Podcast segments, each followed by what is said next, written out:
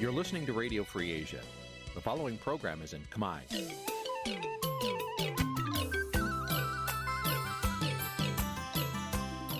Nǐ chi càm bi tiệp xáy vệt chiu a zì sê ray នេះជាកម្មវិធីផ្សាយរបស់ Vithu Azisari ជាភាសាខ្មែរ វត្តឈូអាស៊ីសេរីសូមស្វាគមន៍លោកអ្នកនាងទាំងអស់ពីរដ្ឋធានី Washington នៃសហរដ្ឋអាមេរិក ពីរដ្ឋធានី Washington ខ្ញុំបាទទីនសាការីយ៉ាសូមជម្រាបសួរលោកនាងកញ្ញាទាំងអស់ជាទីមេត្រីយើខ្ញុំសូមជូនកម្មវិធីផ្សាយសម្រាប់ព្រឹកថ្ងៃអង្គារ700ខែកដិកឆ្នាំខាលចត្វាស័កពុទ្ធសករាជ2566ត្រូវនៅថ្ងៃទី15ខែវិច្ឆិកាគ្រិស្តសករាជ2022បាទជាដំបូងនេះសូមអញ្ជើញលោកនាងកញ្ញាស្ដាប់ព័ត៌មានប្រចាំថ្ងៃដែលមានមេត្តាដូចតទៅ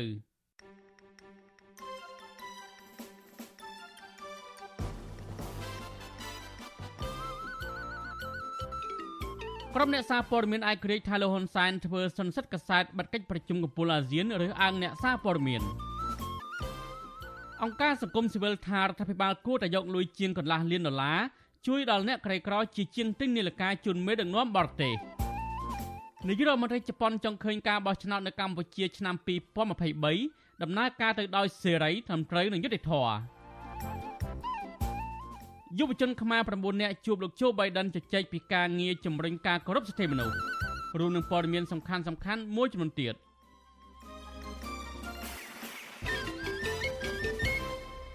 បាទជាបន្តទៅនេះខ្ញុំបាទធីនសាករិយាសូមជូនព័ត៌មានពិស្ដាបាទលោកនាយកទីមេត្រីមន្ត្រីអង្គការសង្គមស៊ីវិលនិងអ្នកសារព័ត៌មានខកចិត្តចំពោះការរើសអើងមិនអនុញ្ញាតឲ្យអ្នកសារព័ត៌មានអាយក្រិចចូលយកព័ត៌មានពួកគេទាមទាររដ្ឋាភិបាលបោះឆ្នោយមូលហេតុ និងកែលម្អស្ថានភាពរើសអើងនេះឡើងវិញ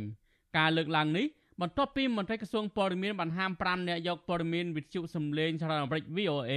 និងវិទ្យុសំឡេងប្រជាធិបតេយ្យ VOD ក្នុងសន្និសីទសារព័ត៌មានរបស់លោកនាយរដ្ឋមន្ត្រីហ៊ុនសែនស្ដីពីលទ្ធផលនៃកិច្ចប្រជុំកំពូលអាស៊ាន នៅសេតវិមានរាជធានីភ្នំពេញកាលពីល្ងាចថ្ងៃទី13វិច្ឆិកាបាទប្រធានាធិបតីវ៉ាស៊ីនតោនលោកមានរិទ្ធរាយការណ៍ព័ត៌មាននេះក្រុមអ្នកសារព័ត៌មានមន្ត្រីសង្គមស៊ីវិល ជំរុញឲ្យរដ្ឋាភិបាលបើកលំហសេរីភាព និងលុបបំបាត់ការរើសអើងលើអ្នកយកព័ត៌មានពីព្រោះការរើសអើងនេះតែងតែកើតមានឡើងជាញឹកញយសម្រាប់អ្នកយកព័ត៌មាននៃស្ថាប័នឯករាជ្យនៅកម្ពុជាអ្នកសារព័ត៌មានវិទ្យុសំឡេងសហរដ្ឋអាមេរិក VOA លោកសុននរិន ដែលរងនឹងការរារាំងមិនឲ្យចូលយកព័ត៌មាននៅឯវិមានសន្តិភាពកាលពីថ្ងៃទី13ខែវិច្ឆិកាប្រាវិសុយស៊ីស្រីថាមន្ត្រីថ្នាក់ក្រមអាវ៉ាត់របស់ក្រសួងព័ត៌មាន បានហាមឃាត់អ្នកសារព័ត៌មាន VOA និង VOD ដែលប្រាប់ហេតុផលថាពួកគេទទួលបានបញ្ជាពីថ្នាក់លើមិនផ្ដល់កាតឲ្យចូលយកព័ត៌មានបានទេលោកថាករណីនេះបង្ហាញពីការរឹតបន្តឹងសេរីភាពសារព័ត៌មាន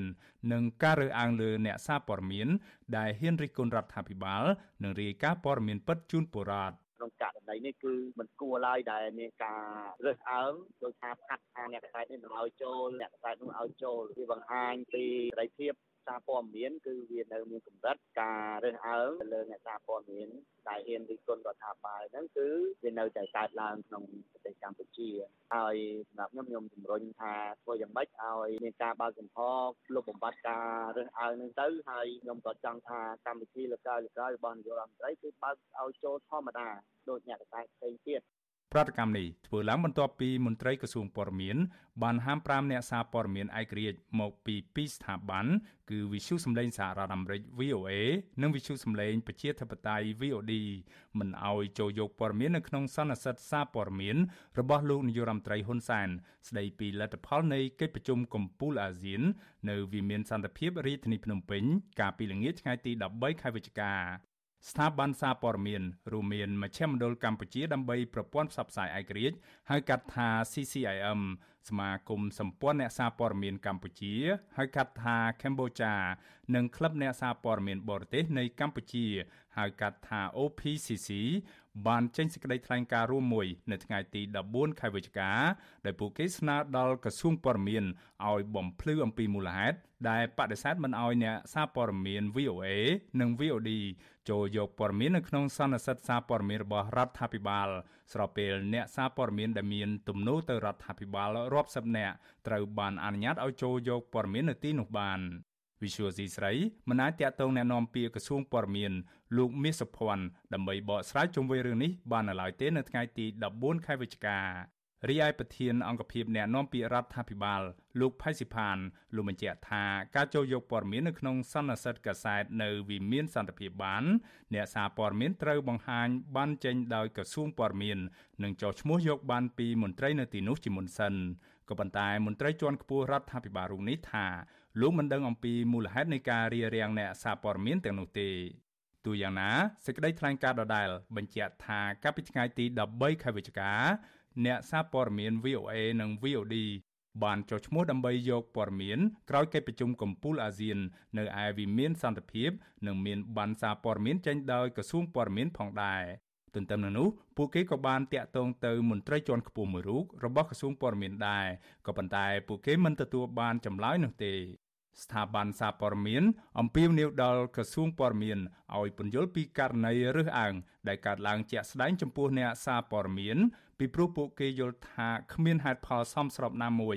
បដិសេធចោលអ្នកសារព័ត៌មានអាជីពមិនឲ្យចូលរួមរាយការណ៍ព័ត៌មានដើម្បីប្រើប្រាស់ជាប្រយោជន៍សាធារណៈនោះទេ លិខិតដដែលនោះលើកឡើងថាស្របពេលដែលលោកនាយរដ្ឋមន្ត្រីហ៊ុនសែនស្វាគមន៍នៅសំណុំពរពីប្រព័ន្ធផ្សព្វផ្សាយនានាពួកគេចង់ដឹងថាតើហេតុអ្វី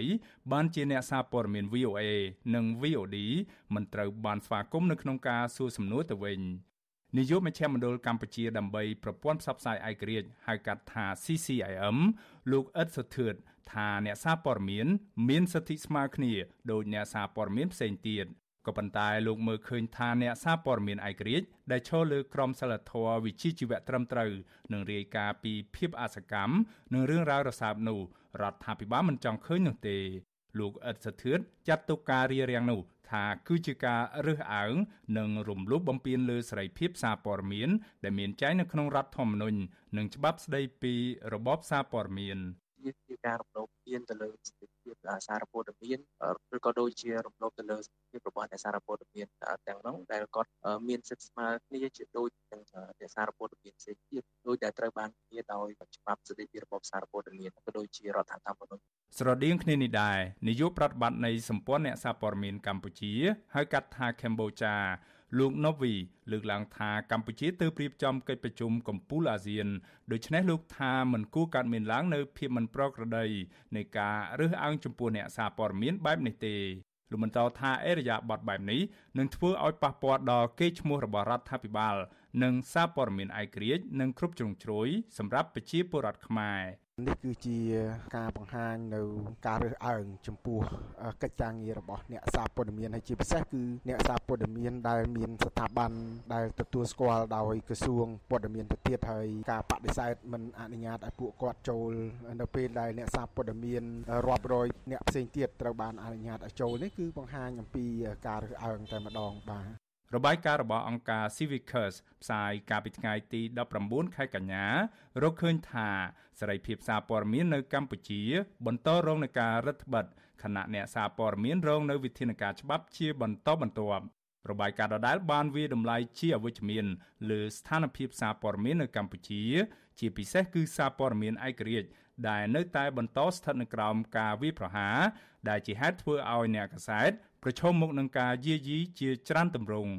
គិនមកដល់ពេលនេះផ្អែកតាមការវាតម្លៃរបស់អង្គការអ្នកកាសែតគ្មានព្រំដែនឬ Reporters Without Borders ដែលមានមូលដ្ឋាននៅទីក្រុងប៉ារីនៃប្រទេសបារាំងឲ្យដឹងថាកម្ពុជាស្ថិតនៅក្នុងចំណាត់ថ្នាក់ទី144នៅក្នុងចំណោម180ប្រទេសនៃសន្ទុះសេរីភាពសារព័ត៌មានសកលឆ្នាំ2021 ក៏ប៉ុន្តែសម្រាប់ឆ្នាំ2022នេះអង្គការដដែលនេះបានឲ្យដឹងថាកម្ពុជាទទួលបានចំណាត់ថ្នាក់ទី142នៅក្នុងចំណោម180ប្រទេសចំណាត់ថ្នាក់បែបនេះបន្តបង្ហាញថាសេរីភាពសារព័ត៌មាននៅកម្ពុជា នៅមិនទាន់មានភាពល្អប្រសើរនៅឡើយទេខ្ញុំបាទមេរិត Visual C ស្រីរាយការណ៍ពីរដ្ឋធានី Washington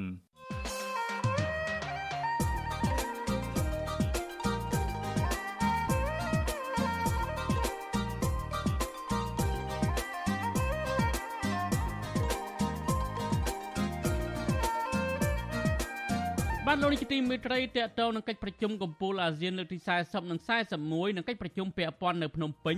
ដែលមានកម្ពុជាជាប្រធានដឹកនាំនឹងបានបិទបញ្ចប់កាលពីថ្ងៃអាទិត្យទី13វិច្ឆិកានេះក្រុមអ្នកតាមដានស្ថានភាពនយោបាយនិងសង្គមស៊ីវិលមើលឃើញថាមានចំណុចដែលបង្ហាញពីភាពជោគជ័យនិងបរាជ័យមួយចំនួន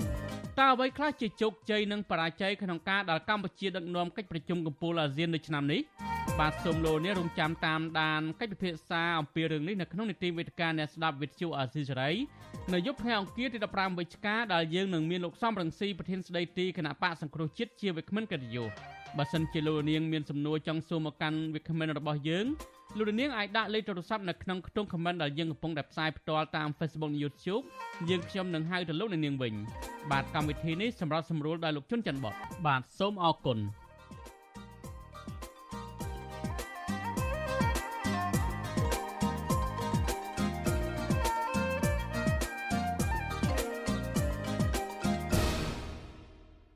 បាទលោកនាយកទីមេត្រីតកតងនឹងរឿងលោកហ៊ុនសែនទិញនាឡិកាចែកជូនដល់ក្រុមមេដឹកនាំដែលទៅចូលរួមកិច្ចប្រជុំអាស៊ានដែលចំណាយថវិកាជាងកន្លះលានដុល្លារអាមេរិកវិញមន្ត្រីអង្គការសង្គមស៊ីវិលលើកឡើងថារដ្ឋាភិបាលគួរតែយកលុយជាងកន្លះលានដុល្លារអាមេរិកយកទៅជួយអ្នកក្រីក្រវិញជាជាងយកទៅផលិតនាឡិកាដៃប្រណិតជូនមេដឹកនាំអាស៊ាននិងមេដឹកនាំពិភពលោកដែលមកចូលរួមកិច្ចប្រជុំកំពូលអាស៊ានកាលពីពេលថ្មីៗនេះការលើកឡើងនេះគឺបន្ទាប់ពីលោកនាយរដ្ឋមន្ត្រីហ៊ុនសែនប្រាប់ឲ្យដឹងថា នាឡិកាចំនួន25គ្រឿងដែលលោកជូនជាកាដូអនុស្សាវរីយ៍ដល់ថ្នាក់ដឹកនាំដែលបានមកចូលរួមកិច្ចប្រជុំកំពូលអាស៊ានគឺមានតម្លៃជាង20,000ដុល្លារអាមេរិកក្នុងមួយគ្រឿងអ្នកតាមដានពីបញ្ហាសង្គមនិងនយោបាយលើកឡើងថាករណីលោកនាយករដ្ឋមន្ត្រីហ៊ុនសែនផ្ដាល់នាឡិកាដៃជាវត្ថុអនុស្សាវរីយ៍ដែលចំណាយថវិការដ្ឋអស់រាប់សែនដុល្លារដល់ថ្នាក់ដឹកនាំមកចូលរួមកិច្ចប្រជុំកំពូលអាស៊ានកន្លងមកនឹងមិនលើកមុខមាត់ឲ្យប្រទេសជាតិនោះទេព្រោះបណ្ដាថ្នាក់ដឹកនាំទាំងនោះខ្លះ ទំនងជាមិនពេញចិត្តនឹងពាក់នាឡិកាដៃតម្លៃរាប់ម៉ឺនដុល្លារពីប្រទេសក្រីក្រនេះឡើយថ្លែងនៅក្នុងសិនសិទ្ធសារព័ត៌មានក្រោយពីបិទបញ្ចប់កិច្ចប្រជុំកំពូលអាស៊ានកាលពីថ្ងៃទី13វិច្ឆិកាលោកហ៊ុនសែនបានលើកឡើងថានាឡិកាទំនើបចំនួន25គ្រឿងដែលរដ្ឋាភិបាលកម្ពុជាចែកជូនដល់មេដឹកនាំដែលបានមកចូលរួមកិច្ចប្រជុំកំពូលអាស៊ាននេះមានតម្លៃជាង20,000ដុល្លារអាមេរិកក្នុងមួយគ្រឿងដូច្នេះលោកហ៊ុនសែនបញ្ជាក់ថានាឡិកាចំនួន25គ្រឿងនោះ បើសរុបជាតម្លៃរួមទៅ មានតម្លៃជាងកន្លះលានដុល្លារអាមេរិកចំពោះនាឡិកានេះ តាមអ្នកផលិតឲ្យដឹង គឺគ្រឿងបង្គុំទាំងអស់ដើម្បីយកមកផ្គុំបង្កើតនាឡិកានេះ គឺមានតម្លៃជាង20000ដុល្លារក្នុងមួយគ្រឿងកម្ពុជាក្នុងនាមជាប្រធានបដូវវេនអាស៊ាននៅឆ្នាំ2022នេះរដ្ឋាភិបាលបានចែកជូននាឡិកាចំនួន25គ្រឿងដល់ថ្នាក់ដឹកនាំក្នុងកិច្ចប្រជុំកំពូលអាស៊ានលោកហ៊ុនសែនមិនបានបកស្រាយលម្អិត ថាតើការប្រកល់ជូននីលការដល់មេដឹកនាំទាំងនេះបានបង្កប់អត្ថន័យយ៉ាងណាសម្រាប់អត្តសញ្ញាណជាតិនោះទេ ដែលគ្រាន់តែបញ្ជាក់យ៉ាងខ្លីថានីលការដៃនេះផលិតដោយស្នាដៃកូនខ្មែរប៉ុន្តែផ្ទុយពីការអះអាងរបស់លោកហ៊ុនសែននេះនីលការដៃទាំងនោះត្រូវបានផលិតឡើងដោយក្រុមហ៊ុនចិន Print Horology របស់ចិនមានទីតាំងនៅក្នុងប្រទេសកម្ពុជាគេហទំព័ររបស់ក្រុមហ៊ុននេះបញ្ជាក់ថាក្រុមហ៊ុននេះគឺជាផ្នែកមួយរបស់ក្រុមហ៊ុន Print Real Estate ដោយប្រធានសម្ព័ន្ធក្រុមហ៊ុននេះដ៏ធំមួយ គឺលោកជេនស៊ីជាជនជាតិចិន និងជាទីប្រឹក្សាផ្ទាល់របស់លោកហ៊ុនសែនហើយថ្មីថ្មីនេះលោកជិនស៊ីបានទិញក្រុមហ៊ុនលក់ស៊ីហ្គារបស់កុយបាក្នុងតម្លៃជាង1400លានដុល្លារដោយសម្ងាត់ជុំវិញនឹងរឿងនេះសកម្មជនចលនាមេដាធម្មជាតិនិងជាអ្នកតាមដានពីបញ្ហាសង្គមនិងនយោបាយលោកលីចន្ទរាវុធយល់ថារដ្ឋាភិបាលគួរតែទិញរថយន្តសង្គ្រោះបន្ទាន់ដាក់នៅតាមមន្ទីរពេទ្យដាច់ស្រយាល ឬជួយឧបត្ថម្ភដល់ប្រជាពលរដ្ឋក្រីក្រប្រសើរជាងចំណាយថវិការាប់សែនដុល្លារទៅលើកាដូអនុស្សាវរីយ៍ទាំងនេះលោកយល់ថាថ្នាក់ដឹកនាំដែលបានចូលរួមកិច្ចប្រជុំកំពូលអាស៊ានមិនចង់បានកាដូដែលមានតម្លៃថ្លៃដូចនេះទេពីព្រោះពួកគេចង់បានកិច្ចសហប្រតិបត្តិការល្អចេញពីកិច្ចប្រជុំនេះទៅវិញទេលោកបន្ថែមថារដ្ឋាភិបាលគួរតែផ្ដល់វត្ថុអនុស្សាវរីយ៍ដែលបង្ហាញពីតម្លៃវប្បធម៌អត្តសញ្ញាណរបស់ជាតិជាជាងចំណាយថវិកាខ្ជិះខ្ជាយ គណៈរដ្ឋាភិបាលកំពុងតែខ្ចីបុលពីបរទេសសម្រាប់ការចំណាយប្រចាំឆ្នាំផងនោះ មេដឹកនាំម្នាក់កើតឡើងចេញពីការបោះឆ្នោតរបស់ប្រជាជនភាគច្រើនដូច្នេះគាត់គួរតែរស់នៅតាមបែបប្រជាជនភាគច្រើនជាជាងរស់នៅដូចជាប្រជាជនភាគតិចយើងនិយាយទៅប្រជាជនភាគច្រើននៅបោះឆ្នោតគាត់គឺជាអ្នកក្រប្រទេសកម្ពុជាមានប្រជាជនជាច្រើនស្ថិតនៅក្នុងភាពក្រីក្រហើយនឹងក្បែរក្រដូច្នេះការសម្ញែងទ្រព្យសម្បត្តិការអួតនៅរបស់ប្រើប្រាស់ផ្សេងៗដែលមានរាប់លានដុល្លារខ្ញុំយល់ថាបើសិនជាក្នុងនាមជាមេដឹកនាំវាមិនមែនជាអ្វីគួរឲ្យមោទនៈទេព្រោះថា រឿងដែលគួរឲ្យមោទនៈគឺប្រជាជនយើងអាចរស់នៅបានដោយសុភមង្គលដោយសន្តិភាពពិតគ្មានការភ័យខ្លាចគ្មានអសន្តិសុខសង្គមគ្មានវិបត្តិដីធ្លីអានេះខ្ញុំយល់ថាជាទីមោទនៈជាងវិទ្យុអសិរ័យមិនអាចតាក់ទងអ្នកនាំពាក្យរដ្ឋាភិបាលលោកផៃសិផានដើម្បីសុំការបកស្រាយជំវិញនឹងរឿងនេះបានទេនៅថ្ងៃទី14វិច្ឆិកាជុំវិញនឹងរឿងនេះដែរប្រធានមជ្ឈមណ្ឌលប្រជាពលរដ្ឋដើម្បីអភិវឌ្ឍនិងសន្តិភាពលោកយងកំឯងយល់ឃើញថារដ្ឋាភិបាលមិនគួរចំណាយថវិកាច្រើនបែបនេះ ដើម្បីទិញកាដូអនុស្សាវរីយ៍ជូនភ្ញៀវអន្តរជាតិនេះឡើយព្រោះវាមិនមែនជាការចំណាយដ៏ចាំបាច់លោកបន្ថែមថារដ្ឋាភិបាលគួរយកថវិកាទាំងនេះជួយដល់ប្រជាពលរដ្ឋក្រីក្រប្រសើរជាងព្រោះកន្លងមកអាជ្ញាធរថ្នាក់ក្រោមជាតិតែងតែលើកឡើងថាខ្វះកញ្ចប់ថវិកាដើម្បីអនុវត្តគោលនយោបាយភូមិឃុំមានសុវត្ថិភាពពោះអាជ្ញាធរថ្នាក់ក្រមជាតិមួយចំនួនក៏ត្អូញត្អែអំពីការខ្វះខ្ទង់ថវិកាមួយចំនួនដើម្បីការចាយវាយដើម្បីបំពេញនៅសេចក្តីត្រូវការចាំបាច់របស់ខ្លួនមួយចំនួននៅក្នុងការ ផ្ដល់សេវាអីមួយចំនួនដែរជាមួយគ្នានោះជាបរដ្ឋនៅតាមជនបទខ្លះក៏យើងឃើញមានការចំណាក់ស្រកដោយសារការខ្វះខាតការជំពាក់បំណុលគេអីជាដើមគាត់ប្រឈមមុខជាមួយនឹងជីវភាពការរស់នៅរបស់ពួកគាត់ដែរក្រៅពីមានមតិរិះគន់រដ្ឋាភិបាលចំពោះការចំណាយថវិកាជាតិច្រើនលើសលប់លើការទិញនីលការនេះអ្នកតាមដានសង្គមនិងនយោបាយក៏បានរិះគន់លោកហ៊ុនសែនដែលបានចំណាយថវិកាខ្ជិះខ្ជាយជាច្រើនហួសពីសមត្ថភាពរបស់ខ្លួន ក្នុងនាមជាប្រទេសក្រីក្រដើម្បីគ្រាន់តែចំណេញមុខមាត់របស់លោកហ៊ុនសែនពលគឺមិនមែនដើម្បីជាប្រយោជន៍របស់ជាតិជាសំខាន់នោះទេជាក់ស្ដែងក្រោយកិច្ចប្រជុំកំពូលអាស៊ាននេះក្រុមមន្ត្រីដល់រណបលោកហ៊ុនសែននិងមន្ត្រីរាជការតាមក្រសួងស្ថាប័ននានាចាប់ផ្ដើមចេញសារបញ្ចាយបញ្ចើដល់លោកហ៊ុនសែនជាបន្តបន្ទាប់ដើម្បីឲ្យលោកពេញចិត្តនឹងការសរសើរនោះនេះវិភាននយោបាយលើកឡើងទៀតថាកម្ពុជាមិនគួរចែកនីលការដែលមានតម្លៃខ្ពស់ ទៅដល់ថ្នាក់ដឹកនាំដែលបានមកចូលរួមកិច្ចប្រជុំកំពូលអាស៊ាននេះទេព្រោះមិនបានផ្ដល់កិត្តិយសនិងបង្ហាញពីអត្តសញ្ញាណរបស់ជាតិនោះឡើយពួកគេថាការចែកនីលការនេះធ្វើឡើងទៅតាមបំណងរបស់លោកហ៊ុនសែនដែលជាមនុស្សឆ្លក់វង្វេងនឹងការបង្អួតនីលការដែលមានតម្លៃរាប់លានដុល្លារអាមេរិកនិងមិនបានខ្វល់ខ្វាយពីប្រជាពលរដ្ឋដែលកំពុងតែប្រឈមនឹងជីវភាពខ្វះខាតនោះឡើយ។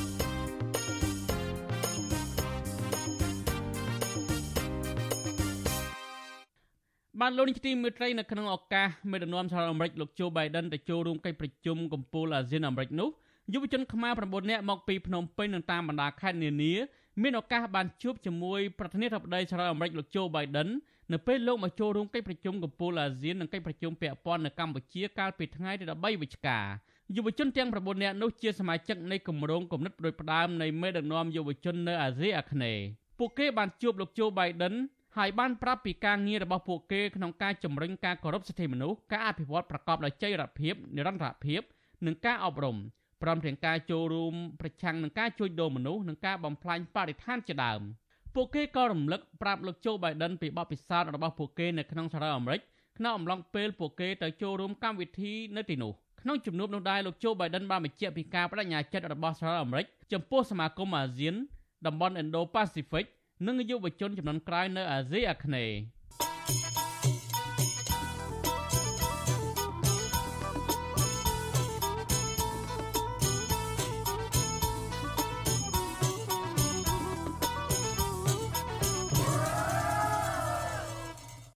បានលោកនេះទីមេត្រីតកតងនឹងរឿងបោះឆ្នោតវិញ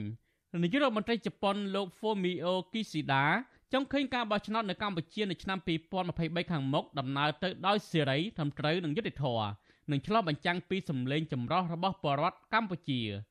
លោកនាយរដ្ឋមន្ត្រីជប៉ុនបានលើកឡើងបែបនេះនៅក្នុងជំនួបទ្វេភាគីជាមួយសមាភិកីរបស់លោកគឺលោកនាយរដ្ឋមន្ត្រីហ៊ុនសែនកាលពីថ្ងៃទី12វិច្ឆិកា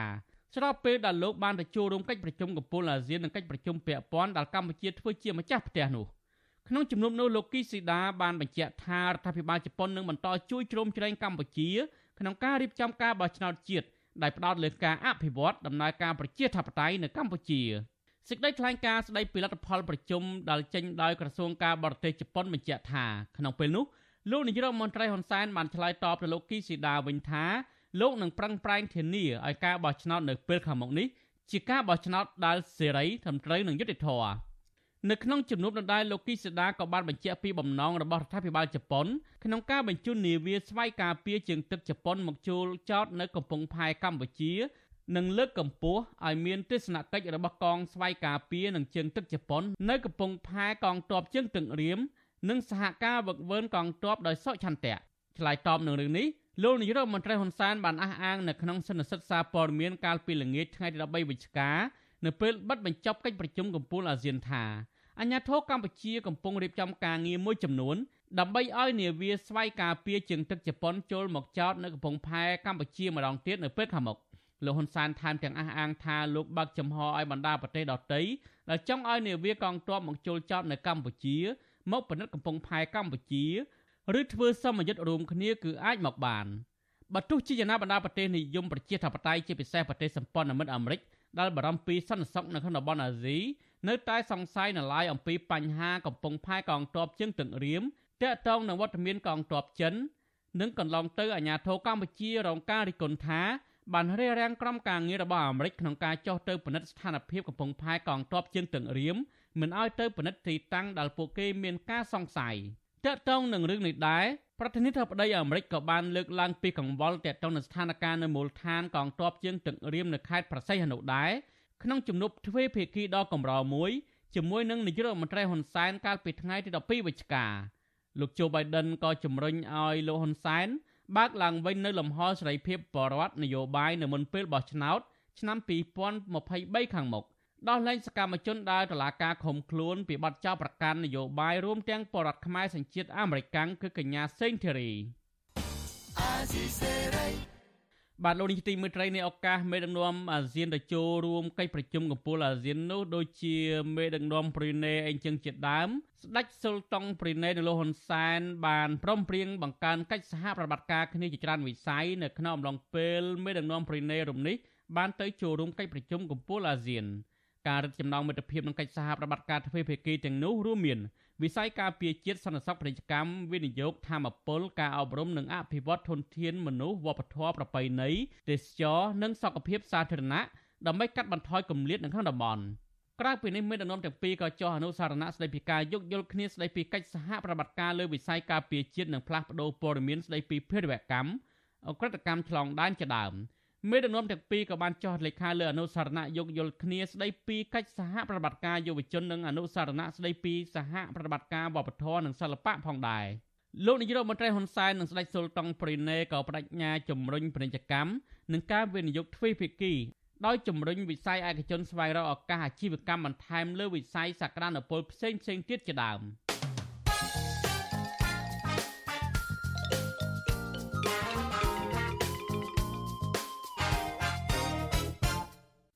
បាទលោកនេះជាទីមេត្រីវិទ្យុអសិរ័យផ្សាយតាមរលកធាតុអាកាសខ្លីឬ Shortwave តាមកម្រិតនិងកម្ពស់ដូចតទៅនេះ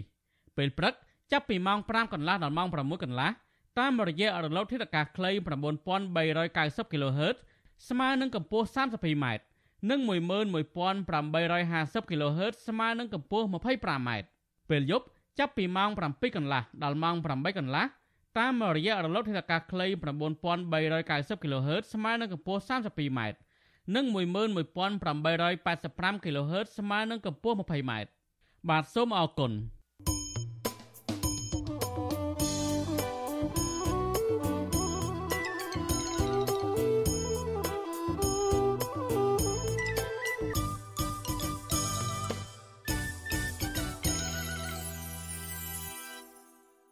បាទលោកនេះជាទីមេត្រីតកតងនឹងមន្ត្រីយោធាកម្ពុជាបើកឡានចូលទៅប្រទេសថៃខុសច្បាប់វិញ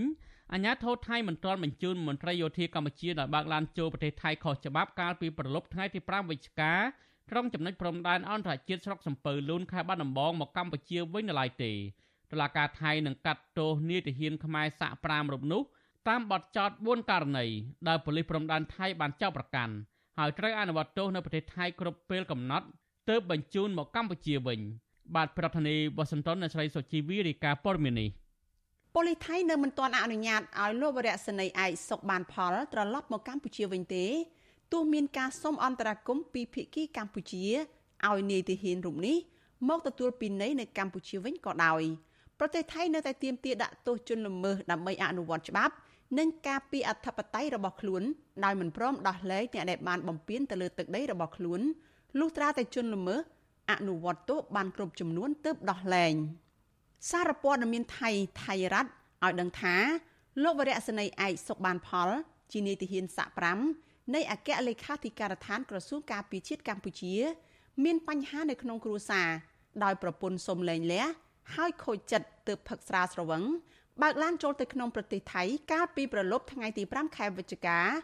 តាមច្រកព្រំដែនអន្តរជាតិភូមិខាវឌិនស្រុកខ្លងហាតជាប់ព្រំដែនស្រុកសំពៅលូនខេត្តបាត់ដំបង នាយទាហានរូបនេះមិនបានឆ្លងកាត់ការត្រួតពិនិត្យប៉ូលីសព្រំដែនថៃទេហើយបើកឡានសម្រុកចូលទៅក្នុងទឹកដីថៃក្នុងលបឿនលឿនតែកងរាជអាវុធហត្ថថៃប្រចាំព្រំដែនបានដេញតាមខាត់រថយន្តនេះអស់រយៈពេល17ម៉ោងទើបបាញ់ទម្លុះកង់ក្រោយ ហើយក៏ខាត់ឡាននោះបានទាហានខ្មែររូបនោះបានសំងំនៅក្នុងឡានអស់រយៈពេល24ម៉ោងទើបចេញពីឡាន ហើយកាន់កំភ្លើងដើររេរាដោយបើកកៃកំភ្លើងរួចជាស្រេចនៅម្ដុំផ្លូវបំបីជា4ក្នុងស្រុកវឌ្ឍនានគរនៅក្នុងខេត្តស្រះកែវក្នុងការបង្ក្រាបនោះពុំមាននរណាម្នាក់រងរបួសឡើយអ្នកសារព័ត៌មានថៃម្នាក់នៅក្នុងខេត្តស្រះកែវនិយាយសុំមិនបញ្ចេញឈ្មោះនិងសម្លេងប្រាប់វិទ្យុអាស៊ីសេរីកាលពីព្រឹកថ្ងៃទី14ខែវិច្ឆិកាថានាយទាហានខ្មែរសាក់5នោះកំពុងជាប់ពន្ធនាគារនៅស្នងការដ្ឋាន ស្រុកវឌ្ឍនានគរខេត្តស្រះកែវហើយរងចាំតុលាការកាត់ទោស តែមិនទាន់ដឹងថាកាត់ទោសនៅពេលណានោះទេអ្នកសារព័ត៌មានថៃរូបនោះបន្តថាមានខាងសាច់ញាតិជនល្មើសនិងយោធាកម្ពុជា បានស្នើសុំឲ្យជនជាប់ចោតបានទៅទទួលទោសនៅកម្ពុជាដែរតែអាជ្ញាធរថៃមិនអនុញ្ញាតអគ្គមេបញ្ជាការរងកងយុទ្ធពលខេមរៈភូមិន្ទលោកសៅសុខាប្រាប់វិទ្យុអាស៊ីសេរីកាលពីថ្ងៃទី13ខែវិច្ឆិកាថាលោកនៅមិនទាន់បានដឹងរឿងដែលតុលាការថៃកាត់ទោសនាយទាហានខ្មែរ ដែលបានបើកឡានចូលទៅស្រុកគេខុសច្បាប់នេះទេលោកបន្តថាច្បាប់កងទ័ពរបស់កម្ពុជានិងដាក់ទោសទៅលើមន្ត្រីយោធាណាដែលប្រព្រឹត្តល្មើសវិន័យរបស់យោធាទៅតាមកម្រិតទោសដែលយោធានោះបានធ្វើខុសអាហ្នឹងគឺណណែណណែខ្ញុំអត់អាចឆ្លើយបានណាព្រោះវាមិនមែនជាទូនាទីភារកិច្ចរបស់ខ្ញុំ អញ្ចឹងទៅខ្ញុំអត់អាចឆ្លើយបានទេហើយការងារនេះគឺក្រសួងការពារជាតិឬអគ្គបញ្ជាការឬក៏មេបញ្ជាការប្រភេទតបនឹងបានបានលោកឆ្លើយបានប៉ុន្តែអ្វីដែលខ្ញុំអាចដឹងបានគឺកងទ័ពគឺទាំងអស់ត្រូវតែគោរពទៅតាមច្បាប់លក្ខន្តិកៈដែលជាច្បាប់គ្រប់គ្រងដោយកងទ័ពដូច្នេះកងទ័ពណាដែលប្រព្រឹត្តបទល្មើសត្រង់ក្រែងក្នុងក្របខ័ណ្ឌវិន័យយោធាគឺត្រូវបានអនុវត្តទៅតាមច្បាប់លក្ខន្តិកៈនោះបាទ ជុំវិញរឿងនេះមន្ត្រីសម្របសម្រួលអង្គការលីកាដូប្រចាំខេត្តបាត់ដំបងលោកអិនគង្ជិតលើកឡើងថាប្រទេសថៃអនុវត្តច្បាប់តាមប្រទេសរបស់គេ ដោយឲ្យបុគ្គលដែលប្រព្រឹត្តល្មើសនៅក្នុងប្រទេសថៃទទួលទោសគ្រប់ចំនួនសិនទើបបណ្តេញចេញក្រៅប្រទេសលោកបន្តថាបើយោងតាមនីតិវិធី កម្ពុជាអាចស្នើសុំអាជ្ញាធរថៃយកជនល្មើសមកផ្ដន្ទាទោសនៅកម្ពុជាបាន តែត្រង់ថាថៃអនុញ្ញាតឬមិនអនុញ្ញាតនោះគឺជារឿងមួយផ្សេងទៀត។ លោកយល់ថាមន្ត្រីយោធាខ្មែរដែលប្រើរឹកពីមិនសមរម្យនៅក្នុងប្រទេសគេអាចធ្វើឲ្យអាម៉ាស់ដល់មន្ត្រីរាជការដែលបានគោរពច្បាប់ត្រឹមត្រូវ។ ទីបញ្ជាការឋានកងរាជអាវុធហត្ថលើប្រទេសប្រទេសមិនសូវអនុវត្តតឹងរឹងដោយមានការយោគយល់អីចឹងណាប៉ុន្តែនៅស្រុកគេគឺគេមិនយោគយល់ទេមន្ត្រីមានបនស័កអនន្តរស័កកម្រិតណាក៏ដោយមានទួនាទីពងខ្ពស់យ៉ាងណាក៏ដោយកាលណាបើអនុវត្តខុសច្បាប់គឺនៅស្រុកគេគេអនុវត្តហើយដោយឡែកនៅស្រុកខ្មែរយើងតែងតែមានការយោគយល់អនុគ្រោះឬក៏បិទភ្នែកបិទអីចឹងធ្វើឲ្យមន្ត្រីខលខូចខ្លះគាត់អាងយ៉ាងអញ្ចឹងដល់ពេលគាត់ទៅស្រុកគេគាត់ពើងទ្រូងដាក់ សមត្ថកិច្ចស្រុកគេគាត់ត្រូវទទួលវិធានការច្បាប់បែបហ្នឹងនេះជាលើកដំបូងហើយដែលមានមន្ត្រីយោធាខ្មែរបើកឡានចូលទៅក្នុងប្រទេសថៃដោយខុសច្បាប់ដោយមិនឆ្លងកាត់ការត្រួតពិនិត្យរបស់មន្ត្រីយាមតាមព្រំដែនថៃហើយថែមទាំងកាន់អាវុធនៅក្នុងដៃនៅក្នុងទីសាធារណៈដោយគ្មានការអនុញ្ញាតនៅក្នុងប្រទេសថៃនោះថែមទៀតផងអាញាធរថៃបានចោទប្រកាន់លើលោកវរៈសេនីយ៍ឯកសុកបានផល ក្នុងបទចោទ4ករណីគឺទី1ចូលទឹកដីថៃដោយខុសច្បាប់ មិនព្រមឲ្យប៉ូលីសព្រំដែនឆៃឆេទី2នាំយានយន្តចូលប្រទេសថៃដោយគ្មានការអនុញ្ញាតពីមន្ត្រីគយទី3ការអាវុធខុសច្បាប់នៅក្នុងទីប្រជុំជន និងទី4ប្រឆាំងនឹងកិច្ចប្រតិបត្តិការរបស់ប៉ូលីសថៃតុលាការថៃនឹងកាត់ទោសមន្ត្រីយោធាខ្មែររូបនេះនៅថ្ងៃក្រោយទៅតាមបទចោទទាំង4តែនៅមិនទាន់កំណត់ថ្ងៃនោះច្បាស់លាស់នៅឡើយទេនាងខ្ញុំសុជីវី Virtual Azizi Serai ពីរដ្ឋធានី Washington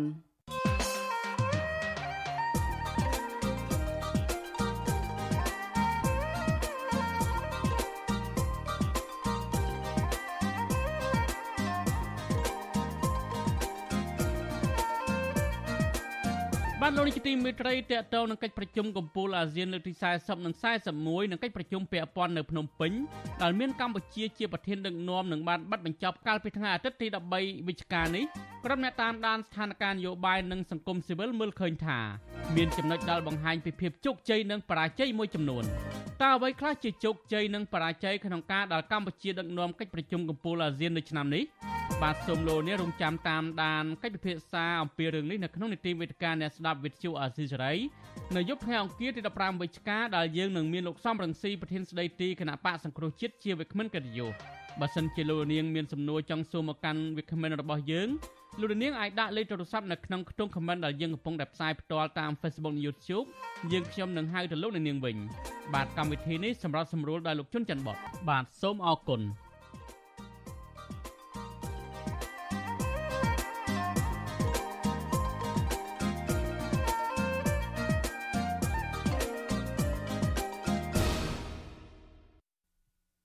បាទលោកនាយកទីមេត្រីតកតងនឹងចំនួននៅក្រុមហ៊ុន Naga World ដ៏រ៉ាំរ៉ៃវិញក្រុមកោតក្រក្រុមហ៊ុនបនលបែងកាស៊ីណូ Naga World 2នាក់បានចូលបំភ្លឺនៅសាលាដំបងរាជធានីភ្នំពេញកាលពីថ្ងៃទី14វិច្ឆិកា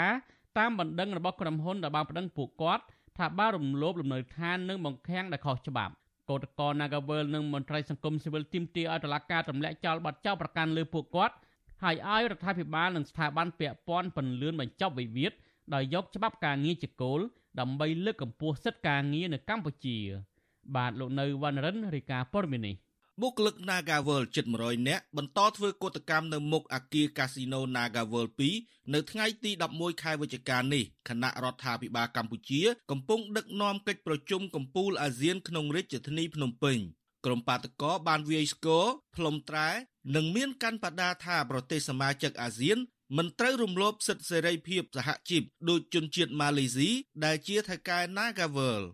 ដោយឡែកក្រុមបាតកោខ្លះបានស្លៀកពាក់សម្លៀកបំពាក់ប្រពៃណីនិងមានពាក់ឈៀងដែលមានពាក្យថាយើងត្រូវការសហជីព LRSU និងពាក្យថា Nagavel ត្រូវបញ្ឈប់អំពើហិង្សាលើការតវ៉ារបស់កម្មករជាស្ត្រីជាដើម។ ក្រុមបាតកោក៏បានទាមទារឲ្យស្ថានទូតម៉ាឡេស៊ីទទួលយកញត្តិសុំអន្តរាគមន៍ពីក្រុមបាតកោដែរព្រោះកន្លងមក ស្ថានទូតនេះមិនព្រមទទួលយកញត្តិនោះឡើយ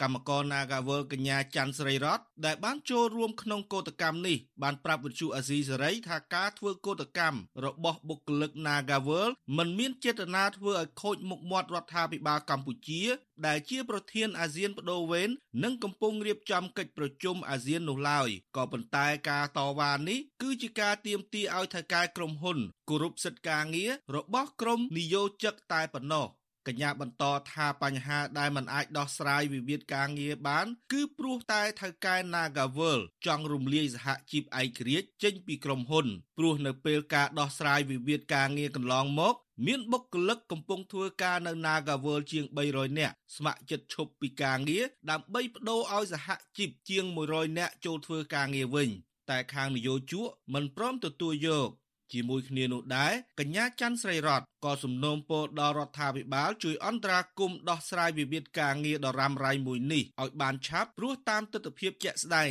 ថៅកែនេះបានរំលោភសិទ្ធិការងារយ៉ាងធ្ងន់ធ្ងរខ្ញុំក៏មានចម្ងល់ដែរថានៅពីក្រោយណាកាវលនឹងវាមានអីជាប់គាំងនៅនឹងបានមកដោះស្រាយឲ្យពួកខ្ញុំទាំងតែពួកខ្ញុំរងនូវភាពអយុត្តិធម៌ច្រើន មានទាំងការគម្រាមកំហែងតាមដល់ផ្ទះមានទាំងការចាប់ដាក់គុកមានទាំងការប្រើអំពើហិង្សាពីសំណាក់អាជ្ញាធររដ្ឋដែលពួកខ្ញុំប្រជារដ្ឋធ្វើការកាត់តាក់ទៅឲ្យពួកគាត់ណាតែបើជាគាត់មកប្រើហិង្សាមកលើពួកខ្ញុំវាយពួកខ្ញុំជាមនុស្សស្រីឡើងឈាមដាពេញខ្នល់អញ្ចឹងណា កាលពីសប្តាហ៍មុនអាជ្ញាធរក្រុងភ្នំពេញបានកោះហៅតំណាងក្រុមគឧតកោ Nagavel ឲ្យចូលរួមប្រជុំដើម្បីហាមមិនឲ្យក្រុមកម្មករ Nagavel ចេញតវ៉ានៅក្នុងពេលកិច្ចប្រជុំកំពូលអាស៊ាន តែក្រុមគឧតកោ Nagavel បានចេញលិខិតឆ្លើយតបថាពួកគេនៅតែបន្តការតវ៉ាព្រោះការធ្វើកុតកម្មរបស់ពួកគេ គឺជាការទាមទារឲ្យមានការគោរពសិទ្ធិការងារនិងមិនបានខុសពីច្បាប់ឡើយ។ វិទ្យុអាស៊ីសេរីមិនអាចតាក់ទងแนะនាំពាក្យសាលារាជធានីភ្នំពេញលោកមេតមាសភក្តីដើម្បីសុំការបកស្រាយរឿងនេះនៅថ្ងៃទី11ខែវិច្ឆិកាដោយទូរស័ព្ទចូលពុំមានអ្នកទទួល គិតមកដល់ពេលបច្ចុប្បន្នបុគ្គលិក Nagavel បានចេញធ្វើកោតកម្មអស់រយៈពេលជិត2ឆ្នាំមកហើយក៏ប៉ុន្តែពួកគេ នៅតែមិនទាន់បានទទួលដំណោះស្រាយពីថៅកែក្រុមហ៊ុន Nagavel ដែលរំលោភសិទ្ធិការងារលើពួកគេនៅឡើយនោះទេ រដ្ឋាភិបាលក៏មិនបានជួយអន្តរាគមន៍ដោះស្រាយវិវាទការងារមួយនេះទេប៉ុន្តែក្រុមកម្មករនយោជិកបែរជាទទួលការគំរាមកំហែងពីសំណាក់អាជ្ញាធរនិងកម្លាំងដែលមានសមត្ថកិច្ចទៅវិញដោយពួកគេត្រូវបានចោទថាជាក្រុមបកប្រឆាំងចង់ធ្វើបដិវត្តពណ៌រំលំរដ្ឋាភិបាលជាដើម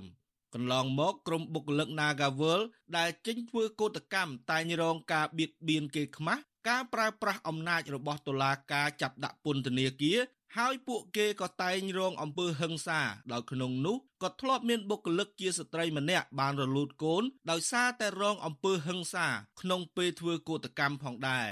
ជុំវិញរឿងនេះប្រធានសហព័ន្ធសហជីពចំណីអាហារនិងសេវាកម្មកម្ពុជា លោកស្រីអ៊ូតេផូលីនយល់ឃើញថាការទៀមទារបស់បុគ្គលិក Nagawal មិនត្រឹមតែជាការចង់បានឲ្យមានដំណោះស្រាយគិតគូរពីផលប្រយោជន៍សម្រាប់តែបុគ្គលិកទាំងនោះទេ តែការតវ៉ានេះក៏ជានិមិត្តរូបនៅក្នុងការទៀមទាឲ្យថៅកែផ្សេងផ្សេងគោរពសិទ្ធិការងារដល់បុគ្គលិក និងកម្មករទូទាំងប្រទេសដែរអ្នកស្រីយល់ថាកត្តាដែលថៅកែ Nagawal មិនព្រមទទួលបុគ្គលិកដែលជាសហជីពឲ្យធ្វើការវិញនោះព្រោះតែថៅកែនេះមិនចង់ឲ្យមានវត្តមានសហជីពដែលមានអំណាចការពារបុគ្គលិក ដោយតែងតែតវ៉ាមិនឲ្យក្រុមហ៊ុនរំលោភលើសិទ្ធិការងារបុគ្គលិកនិងពេលភ្ញៀវមកលេងល្បែងបង្កហិង្សា ឬបៀតបៀនដល់បុគ្គលិកជាស្ត្រី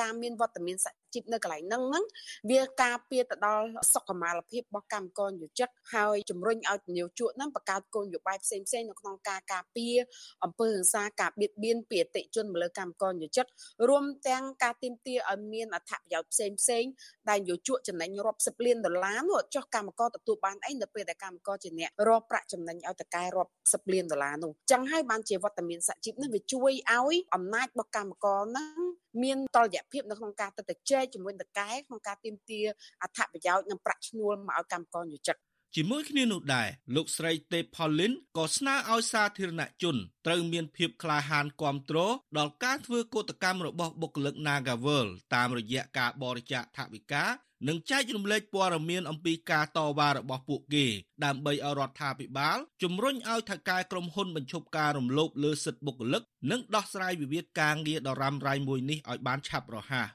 យើងទទូចដល់សាធារណជន1ដុល្លារស្មើនឹងយើងអត់ញ៉ាំកាហ្វេទឹកដោះគោតកកមួយកែវក្នុងមួយខែអត់ផឹកមួយថ្ងៃទៅរួចអីទេលុយនឹងទៅឲ្យពួកគាត់ដោយសាររឿងនេះវាជារឿងភាពអយុត្តិធម៌ជាប្រព័ន្ធ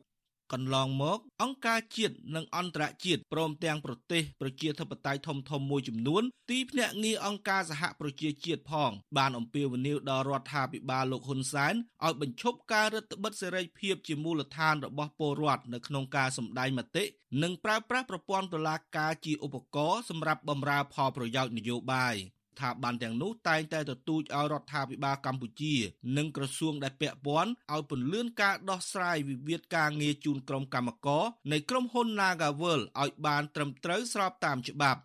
ខ្ញុំនៅវណ្ណរិន With Chu Azizi Saray ពីរដ្ឋធានី Washington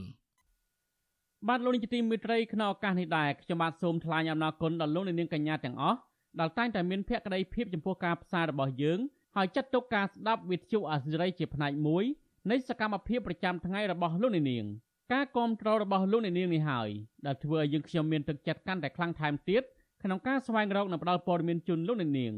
មានអ្នកស្ដាប់មានអ្នកទស្សនាកាន់តែច្រើនកាន់តែធ្វើឲ្យយើងខ្ញុំមានភាពស្វាហាប់មោះមុតជាបន្តទៅទៀតយើងខ្ញុំសូមអរគុណទុកជាមុនហើយសូមអញ្ជើញលោកនាងកញ្ញា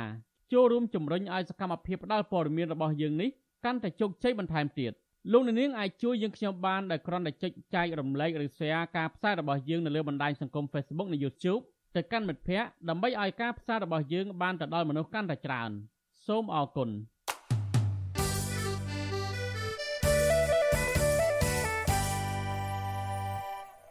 បាទលោកនេះទីមេត្រីនៅខេត្តកោះកុងឯនោះវិញសមត្ថកិច្ចខេត្តកោះកុងបង្ក្រាបជនសង្ស័យជនជាតិចិននិងម៉ាឡេស៊ីចំនួន6នាក់ ពាក់ព័ន្ធនឹងករណីចាប់ចម្រិតទារប្រាក់ពីស្ត្រីជនជាតិម៉ាឡេស៊ីម្នាក់អស់ទឹកប្រាក់ជិត20,000ដុល្លារមន្ត្រីសង្គមស៊ីវិលព្រួយបារម្ភថាភូមិសាស្ត្រខេត្តកោះកុងនឹងក្លាយជាទីកន្លែងក្រុមអក្រិតជនប្រតិបត្តិការចាប់ចម្រិតមនុស្សដែលធ្វើឲ្យប៉ះពាល់ដល់សន្តិសុខសង្គមនិងកេរ្តិ៍ឈ្មោះប្រទេសជាតិទាំងមូលបាទប្រធានាធិបតីវ៉ាស៊ីនតោនលោកលេងម៉ាលីរាយការណ៍ព័ត៌មាននេះអ្នកនាំពាក្យស្នងការដ្ឋាននគរបាលខេត្តកោះកុងលោកសសារ៉ាត់ប្រាប់ពទ្យុអស៊ីសេរីនៅថ្ងៃទី14វិច្ឆិកាថា សមត្ថកិច្ចបានបញ្ជូនជនសង្ស័យចំនួន6នាក់ទៅតុលាការខេត្តកោះកុងរួចរាល់ហើយកាលពីព្រឹកថ្ងៃទី14វិច្ឆិកាលោកអះអាងថាសមត្ថកិច្ចនឹងបន្តនីតិវិធីស៊ើបអង្កេតរោគអ្នកដែលពាក់ព័ន្ធផ្សេងទៀតប្រសិនបើតំណាងអាយកាបញ្ជូនដីកាបង្គាប់យើងយោងតាមបណ្ដឹងភ្លាមយើងទៅធ្វើភ្លាមហើយ มันមានរបាយការណ៍តនបញ្ជាក់ច្បាស់ថាជនសង្ស័យនឹងធ្វើពីថ្ងៃណាទេតែគាត់ថាយើងទទួលបាននៅថ្ងៃដែលយើងបង្ក្រាបនឹងតែម្ដងក្រោយពេលដែលយើងបានធ្វើការហើយគឺយើងបញ្ជូនទៅព្រមត្តនខាងនគរបាលយុតិធធបាទចំពោះករណីនេះគឺខ្ញុំមិនទាន់បានរបាយការណ៍ពីគាត់មកវិញក្នុងលក្ខណៈដែលគាត់បានសាកសួរជនសង្ស័យនឹងកាលពីព្រឹកថ្ងៃទី11វិច្ឆិកាសមាជិកខេត្តកោះកុងបានបង្ក្រាបជនជាតិចិននិងម៉ាឡេស៊ីចំនួន6នាក់ពាក់ព័ន្ធការបង្ខាំងមនុស្សខុសច្បាប់និងជំរិតទារប្រាក់ស្ត្រីជនជាតិម៉ាឡេស៊ីម្នាក់អស់ទឹកប្រាក់ជិត20000ដុល្លារនៅក្នុងអគារក្រុមហ៊ុនមួយកន្លែងស្ថិតនៅសង្កាត់ស្ទឹងវែងក្រុងខេមរៈភូមិន្ទការបង្ក្រាបនេះធ្វើឡើងក្រោយពេលសមាជិកទទួលបានបណ្ដឹងពីជនជាតិម៉ាឡេស៊ីម្នាក់ឈ្មោះអ៊ុងតុនឆៃអៀនជនសង្ស័យដែលសមាជិកឃាត់ខ្លួនមានជនជាតិចិនម៉ាឡេស៊ីចំនួន2នាក់មានឈ្មោះយូស៊ូសិននិងលីមមុនហុង ព្រមទាំងជនជាតិចិនចំនួន4នាក់មានឈ្មោះចាងម៉ានីងតេងចិនតាវលីមមុនហុងនិងហួងស៊ីខុនវិទ្យុអស៊ីសេរីមិនអាចតាក់ទងแนะនាំពាក្យតំណាងអាយកាអមសាលាដំបងខេត្តកោះកុងលោកវៃភីរមដើម្បីសាកសួរបន្ថែមជុំវិញរឿងនេះបានទេនៅថ្ងៃទី14វិច្ឆិកាអ្នកខ្លំមើលបញ្ហាសង្គមព្រួយបារម្ភថាតំបន់អាគារសហគ្រាសមួយចំនួនដែលគ្រប់គ្រងដោយក្រុមហ៊ុនចិនក្នុងភូមិសាស្ត្រខេត្តកោះកុងកើតមានភាពមិនប្រក្រតីជាបន្តបន្ទាប់ លើពីនេះអគារមួយចំនួននៅតំបន់ទីក្រុងរណបឡុងបេដែលស្ថិតក្នុងប្លុកដីសម្បត្តិសេដ្ឋកិច្ចក្រុមហ៊ុនចិន Union Development ក៏ធ្លាប់រងការចោទប្រកាន់ថាមានការបង្ខាំងមនុស្សដោយខុសច្បាប់ដែរជុំវិញរឿងនេះអ្នកសម្របសម្រួលសមាគមការពារសិទ្ធិមនុស្សអាតហុកប្រចាំខេត្តកោះកុងលោកថោងច័ន្ទតារាមើលឃើញថាអាញាធរហាក់គ្មានឆន្ទៈបង្ក្រាបអំពើជួញដូរមនុស្សនិងក្រុមអ ுக ្រិតជនដែលតែងតែធ្វើសកម្មភាពចាប់ចម្រិតនេះឲ្យមានប្រសិទ្ធភាពនោះទេ ដោយសារតែមានមន្ត្រីអាជ្ញាធរនៅតែប្រព្រឹត្តអំពើពុករលួយជាប្រព័ន្ធករណីនេះវាពាក់ព័ន្ធវាប្រព័ន្ធទៅនឹងអ្នកមានអំណាចអ្នកមានលុយនឹងអំពើពុករលួយនឹងបានបានវាចំណាត់ការរបស់សមត្ថកិច្ចល្មមល្មមគឺគាត់អត់ហ៊ានស៊ើបអង្កេតឬមួយក៏គាត់អត់ហ៊ានមានចំណាត់ការផ្លូវច្បាប់ទេព្រោះអីការជួញដូរនឹងវាតែពាក់ព័ន្ធអ្នកមានអំណាចអ្នកមានអធិបុលរបស់រដ្ឋាភិបាលហ្នឹងបាទ ទាក់ទងនឹងរឿងនេះដែរឯកអគ្គរដ្ឋទូតសហរដ្ឋអាមេរិកប្រចាំកម្ពុជាលោក Patrick Murphy ធ្លាប់បានបញ្ជាក់ជាមួយរដ្ឋមន្ត្រីក្រសួងមហាផ្ទៃលោកសខេងថាសហរដ្ឋអាមេរិកក៏ត្រៀមផ្ដល់កិច្ចសហការក្នុងការប្រយុទ្ធប្រឆាំងនឹងអ ுக ្រិតកម្មជួញដូរមនុស្សគណៈសហរដ្ឋអាមេរិកក៏កំពុងសហការជាមួយអន្តរក្រសួងពាក់ព័ន្ធនៅកម្ពុជាព្រមទាំងជំរុញឲ្យកម្ពុជាខិតខំប្រឹងប្រែងក្នុងការប្រយុទ្ធប្រឆាំងនឹងការជួញដូរមនុស្ស និងដើម្បីពិភាក្សាការងារអនុវត្តច្បាប់នៃសហរដ្ឋអាមេរិកនិងកម្ពុជាដោះស្រាយបញ្ហាអ ுக ្រិតកម្មនិងពង្រឹងស្តង់ដារចំណែកភាគីកម្ពុជានិងចិនក៏អះអាងថានឹងពង្រឹងកិច្ចសហប្រតិបត្តិការអនុវត្តច្បាប់បន្ថែមទៀតដោយផ្ដោតលើការបង្ក្រាបនៃអ ுக ្រិតកម្មជួញដូរមនុស្សលបែងអនឡាញបទល្មើសឆបោកតាមប្រព័ន្ធអ៊ីនធឺណិតនិងអ ுக ្រិតកម្មនានាទោះបីយ៉ាងណាក្តីអ្នកខ្លំមើលបញ្ហាកម្ពុជាមួយចំនួនលើកឡើងថា មូលហេតុដែលបណ្ដាលឲ្យកើតមានឡើងនៅអ ுக ្រិតកម្មជួញដូរមនុស្សនិងបទល្មើសចាប់ជំរិតនៅកម្ពុជាឥតឈប់ឈរបែបនេះគឺដោយសារតែអាញាធរកម្ពុជាគ្មានឆន្ទៈបង្ក្រាបមេខ្លោងធំធំ និងខ្វះកិច្ចសហប្រតិបត្តិការជាមួយប្រទេសក្នុងតំបន់និងអន្តរជាតិគណៈមន្ត្រីក្រាក់ក្រាក់ព្រមទាំងក្រុមអង្គការមួយចំនួនដែលស្និទ្ធនឹងត្រកូលហ៊ុនកំពុងរងការចោទប្រកាន់ថាមានទំនាក់ទំនងជាមួយក្រុមហ៊ុនចិនប្រព្រឹត្តអំពើជួញដូរមនុស្សនិងចាប់បង្ខាំងមនុស្សដោយខុសច្បាប់នៅកម្ពុជា ខ្ញុំបាទលេងម៉ាលីវិទ្យុអាស៊ីសេរីរាយការណ៍ពីរដ្ឋធានី Washington បាទលោកនាយកទីមេត្រីងាកមកខេត្តកំពង់ស្ពឺឯនេះវិញប្រជាសហគមន៍ការពីប្រៃឈើនៅខេត្តកំពង់ស្ពឺព្រួយបារម្ភពីសកម្មភាពដាក់អន្ទាក់ចាប់សត្វព្រៃកំពុងតែបង្កគ្រោះថ្នាក់ខ្លាំងដល់សវត្ថិភាពសត្វព្រៃជាច្រើនប្រភេទដែលកំពុងតែរស់នៅក្នុងតំបន់ឧទ្យានជាតិជួរភ្នំក្រវាញកណ្ដាលពួកគាត់អះអាងថាសត្វព្រៃងាប់នឹងបាត់ខ្លួនជារៀងរាល់ថ្ងៃដោយសារតែមានជនល្មើសដាក់អន្ទាក់ និងលួចបរបាញ់ខុសច្បាប់នៅក្នុងតំបន់អភិរក្សមួយនេះបាទប្រធានាធិបតីវ៉ាស៊ីនតោនលោកសនច័ន្ទរដ្ឋារាយការណ៍ព័ត៌មាននេះប្រជាសាគមនៅភូមិសូរិយាឃុំតាសាលស្រអរ៉ាល់សោកស្ដាយសត្វព្រៃកម្រច្រើនប្រភេទរួមមានខ្លាឃ្មុំខ្ទីងប្រើសឆ្លុះនិងកង្កោជាដើមកំពុងប្រឈមការបាត់បង់នូវសារសកម្មភាពដាក់អន្ទាក់ធ្វើជីវកម្មពួកគាត់អះអាងថាឆ្មាំអភិរក្សរបស់ក្រសួងបរិស្ថានមានភាពចន្លោះប្រហោងច្រើនក្នុងការប្រែសព្រៃកម្រទៅនេះ ប្រជាសាគមនៅក្នុងភូមិសូរិយាលោកស្រីខុនឆ្នៃប្រាប់វិទ្យុអេស៊ីសរ៉ៃថ្ងៃទី14វិច្ឆិកាថាភ្នំធំភ្នំខ្នងវាលដែលសព្រៃកម្រតែងឆ្លងកាត់ហើយស្វែងរកចំណីសម្បូរដល់អន្ទាក់ព្រាមព្រៃធ្វើឲ្យសព្រៃខ្លាងាប់ហើយរងរបួសស្ទើររាល់ថ្ងៃលោកស្រីថាគ្រូសាលោកស្រីតែងចោះដល់អន្ទាក់ម្ដងម្ដងបានជា100អន្ទាក់ដែលក្រុមព្រាមព្រៃចោះដាក់ពង្រាយចាប់សក្តិញខ្លាឃ្មុំនិងជ្រូកព្រៃជាដើមនៅចំណុចជើងភ្នំធំនៅក្នុងវាលបន្ថែមពីនេះប្រភេទអន្ទាក់ដែលជលមើប្រើប្រាស់រួមមាន អន្ទាក់ខ្សែកាបខ្សែពួរអន្ទាក់អង្គប់និងខ្សែលួអគិសនីបង្កគ្រោះថ្នាក់ខ្លាំងដល់សត្វព្រៃដែលសហគមន៍ខំអភិរក្សសម្រាប់តាក់ទាញភ្ញៀវទេសចរច្រើនណាស់អន្ទាក់មកមានជ្រូកមានជាប់ខ្លាមានជាប់អាគេហៅខ្ទេសអីហ្នឹង ជាប់ទីងខ្លះលបួសអីចឹងដាច់វាជាប់ពីតាក់ចឹងវាលបួសតាក់ពេញទៅព្រៃដឹងពីខាងណាខាងណាច្រើនណាស់អូព្រួយបារម្ភហើយខ្ញុំថាបើសិនតែនៅតែដាក់ចឹងទៀតគឺអស់អត់មានទេអត់មានសត្វព្រៃលោកស្រីខុនឆ្នៃបន្ថែមថាតំបន់ភ្នំធំជាប់នៅក្នុងវាលសម្បូរសត្វព្រៃច្រើនជាចម្រោះសំខាន់សម្រាប់សត្វព្រៃកម្រហើយក៏ជាកន្លែងសម្បូរអន្ទាក់ទំនើបកំពុងយាយីដល់ជីវិតសត្វព្រៃ លោកស្រីថាកន្លងទៅប្រជាសហគមន៍បានប្រទះឃើញសពជ្រូកព្រៃខ្ទីងនិងខ្លាឃ្មុំជាប់អន្ទាក់ងាប់ស្អុយក្នុងព្រៃអ្នកភូមិនៅនាំភ្ញៀវទេសចរឡើងភ្នំវាលបោះតង់អានៅអសូរដល់សត្វព្រៃកម្រច្រើនប្រភេទបន្តបាត់បង់ស្ទើររាល់ថ្ងៃ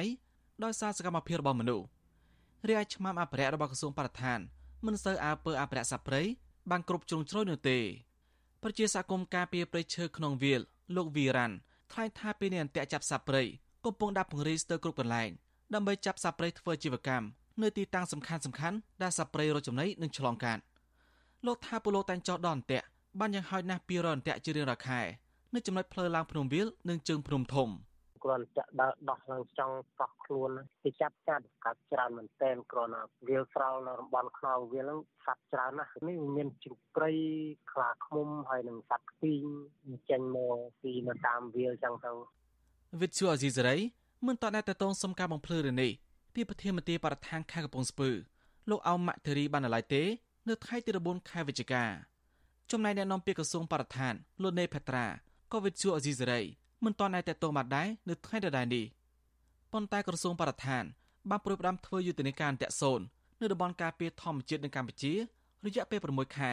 ចាប់ផ្ដើមពីខែមីនាឆ្នាំ2022ក្រសួងបានពៀវនាឲ្យបរដ្ឋនិងមហាជន ឈប់ជួញដូរនិងបរិភោគសាច់សាព្រៃអ្នកនាំពាក្យក្រសួងបរិស្ថានលោកនេផេត្រាបានថ្លែងក្នុងសន្និសីទសារព័ត៌មានមួយកាលពីខែមិថុនាកន្លងទៅថាអន្តៈនៅតែជាការគម្រាមកំហែងដល់សាព្រៃគ្រប់ប្រភេទក្នុងតំបន់ការពារធម្មជាតិលោកថាអន្តៈគឺជាឃាតករលាក់មុខសម្រាប់សាព្រៃរៀងរាល់ថ្ងៃប្រសិនបើមិនបំផ្លាញចោលទេ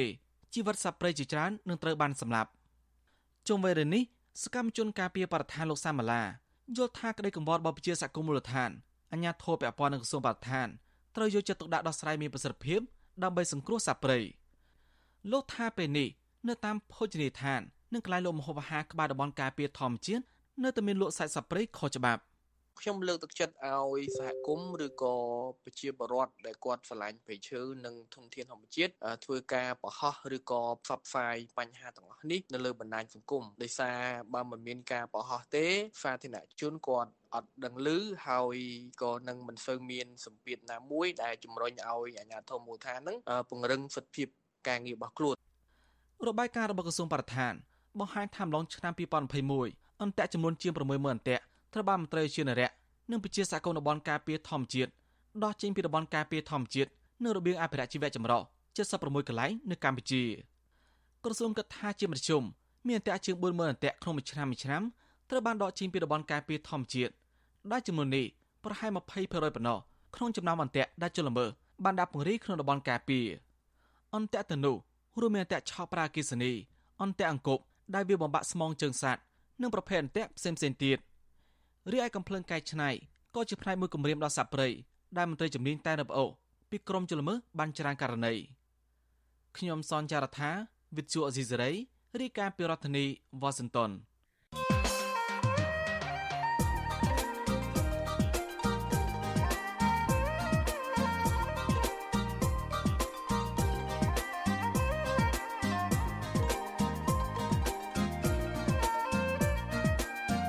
លោកនាយកទីមេត្រីតេតងនឹងកិច្ចប្រជុំកំពូលអាស៊ានលើកទី40និង41និងកិច្ចប្រជុំពាក់ព័ន្ធនៅភ្នំពេញដែលមានកម្ពុជាជាប្រធានដឹកនាំនឹងបានបិទបញ្ចប់កាលពីថ្ងៃអាទិត្យទី13វិច្ឆិកានេះក្រុមអ្នកតាមដានស្ថានភាពនយោបាយនិងសង្គមស៊ីវិលមើលឃើញថាមានចំណុចដែលបង្ហាញពីភាពជោគជ័យនិងបរាជ័យមួយចំនួនតើអ្វីខ្លះជាជោគជ័យនិងបរាជ័យក្នុងការដែលកម្ពុជាដឹកនាំកិច្ចប្រជុំកំពូលអាស៊ាននៅឆ្នាំនេះបាទសូមលោកនេះរងចាំតាមដានកិច្ចពិភាក្សាអំពីរឿងនេះនៅក្នុងនីតិវេទិកាអ្នកស្ដាប់វិទ្យុអាស៊ីសេរី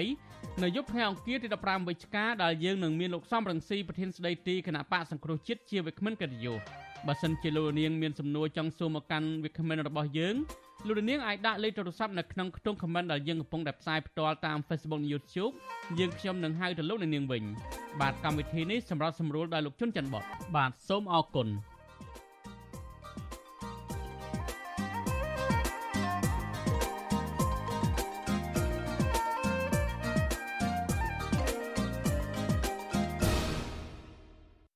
បាទលោកជាទីមេត្រីតកតងនឹងរឿងខ្មែរកម្ពុជាក្រមភៀសខ្លួនពីប្រទេសវៀតណាម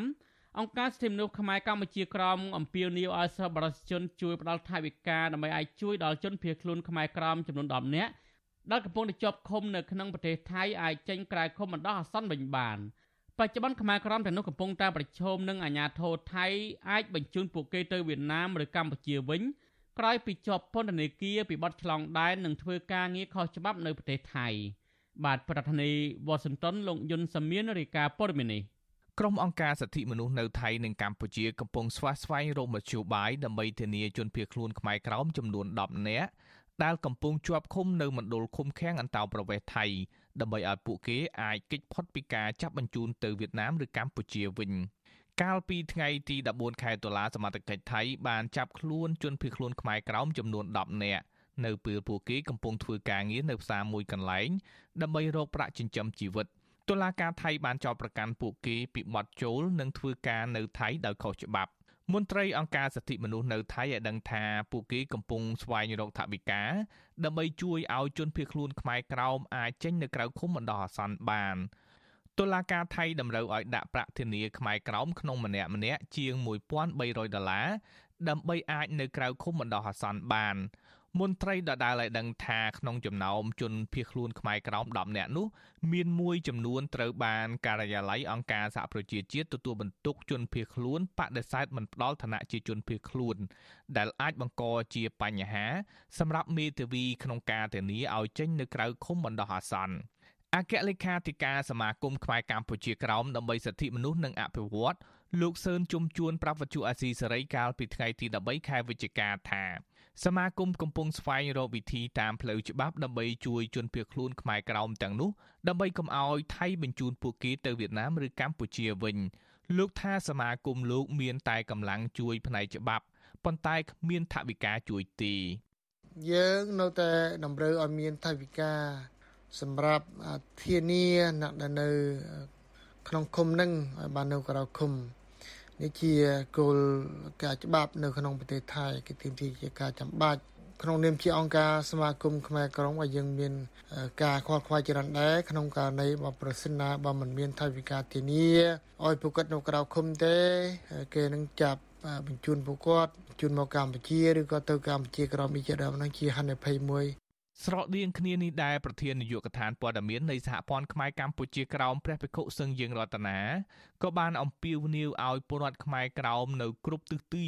ជួយឧបត្ថម្ភជនភៀសខ្លួនខ្មែរក្រោមតាមលទ្ធភាព ដើម្បីអាចឲ្យពួកគេមានប្រាក់ដាក់នៅតុលាការថៃ ដើម្បីអាចនៅក្រៅឃុំបណ្ដោះអាសន្នបាន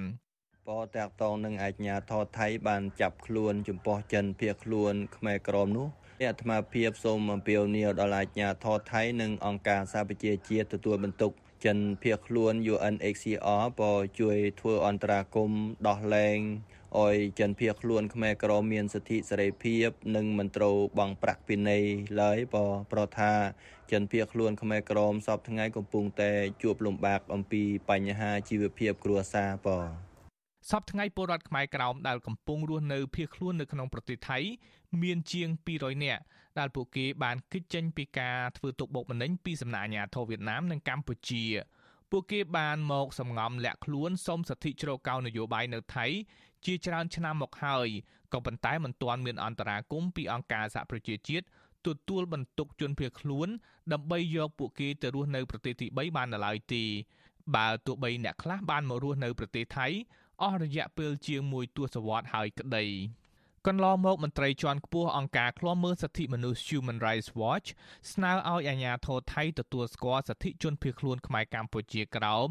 ដែលត្រូវទទួលបានការការពារហើយមិនត្រូវធ្វើទុកបុកម្នេញនិងចាប់ខ្លួននោះទេនាយករងទទួលបន្ទុកកិច្ចការតំបន់អាស៊ីនៃអង្គការឃ្លាំមើលសិទ្ធិមនុស្សអន្តរជាតិ Human Rights Watch លោក Phil Robertson បានប្រាប់វិទ្យុអាស៊ីសេរីថាទោះក្នុងកលៈទេសៈណាក៏ដោយក៏អាញាធរថៃ មិនត្រូវបង្ខំបញ្ជូនជនភៀសខ្លួនខ្មែរកម្ពុជាក្រោមទៅវៀតណាមឬកម្ពុជានោះទេលោកបន្តថាវៀតណាមបន្តធ្វើទុកបុកម្នេញនិងរើសអើងខ្មែរក្រោមជាប្រព័ន្ធ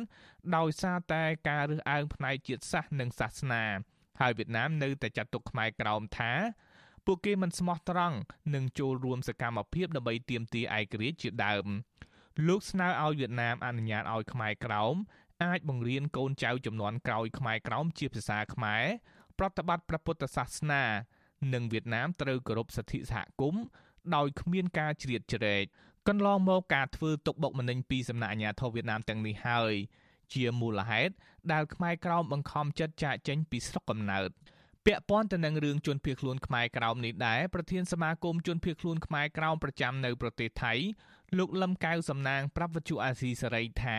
បច្ចុប្បន្នជនភៀសខ្លួនទាំងនោះបន្តជាប់ពន្ធនាគារ ហើយអ្នកខ្លះកំពុងប្រឈមនឹងបញ្ហាសុខភាព ដោយសារតែពួកគេមានវ័យចំណាស់និងមានជំងឺប្រចាំកាយក្រៅពីអ្នកជាប់ឃុំកំពុងរងទុក្ខក្នុងពន្ធនាគារក្រុមគ្រួសារពួកគេក៏កំពុងជួបប្រទះបញ្ហាសេដ្ឋកិច្ចដោយសារតែអ្នករកប្រាក់ចំណូលដើម្បីចិញ្ចឹមគ្រួសារកំពុងជាប់ពន្ធនាគារខ្ញុំយុនសាមៀនវិទ្យុអាស៊ីសេរីប្រធានាធិបតី Washington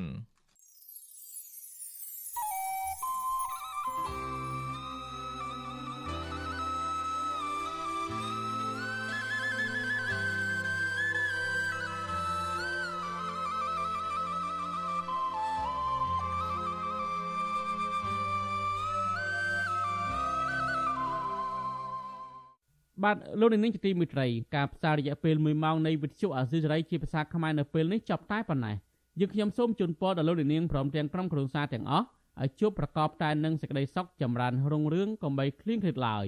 ខ្ញុំបាទទីនសាករិយាព្រមទាំងក្រុមការងារទាំងអស់នៃវិទ្យុអាស៊ីសេរីសូមអរគុណនិងសូមជម្រាបលា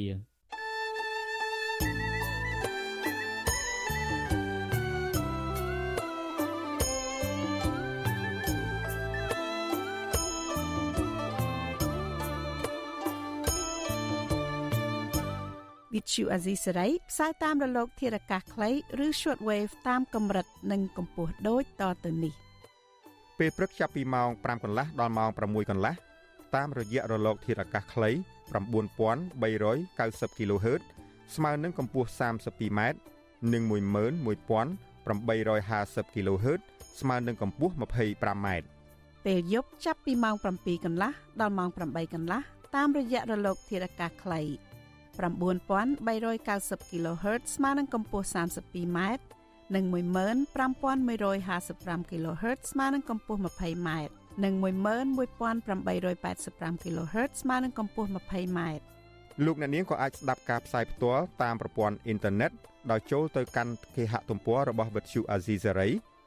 www.rfa.org/ ខ្មែរ ក្រៅពីនេះលោកអ្នកនាងក៏អាចអាននិងទស្សនាព័ត៌មានវិទ្យុអស៊ីសេរីលើទូរស័ព្ទដៃរបស់លោកអ្នកផ្ទាល់សូមលោកអ្នកនាងចូលទៅកាន់បណ្ដាញសង្គម Facebook ដែលមានអាសយដ្ឋាន www.facebook.com/rfa.cambodia និង YouTube www.youtube.com/rfa ខ្មែរ video សូមលោកអ្នកនាងចុច like និងចុច subscribe ដើម្បីទទួលបានព័ត៌មានថ្មីៗទាន់ហេតុការណ៍ និងទស្សនាវីដេអូផ្សេងៗបានគ្រប់ពេលវេលា។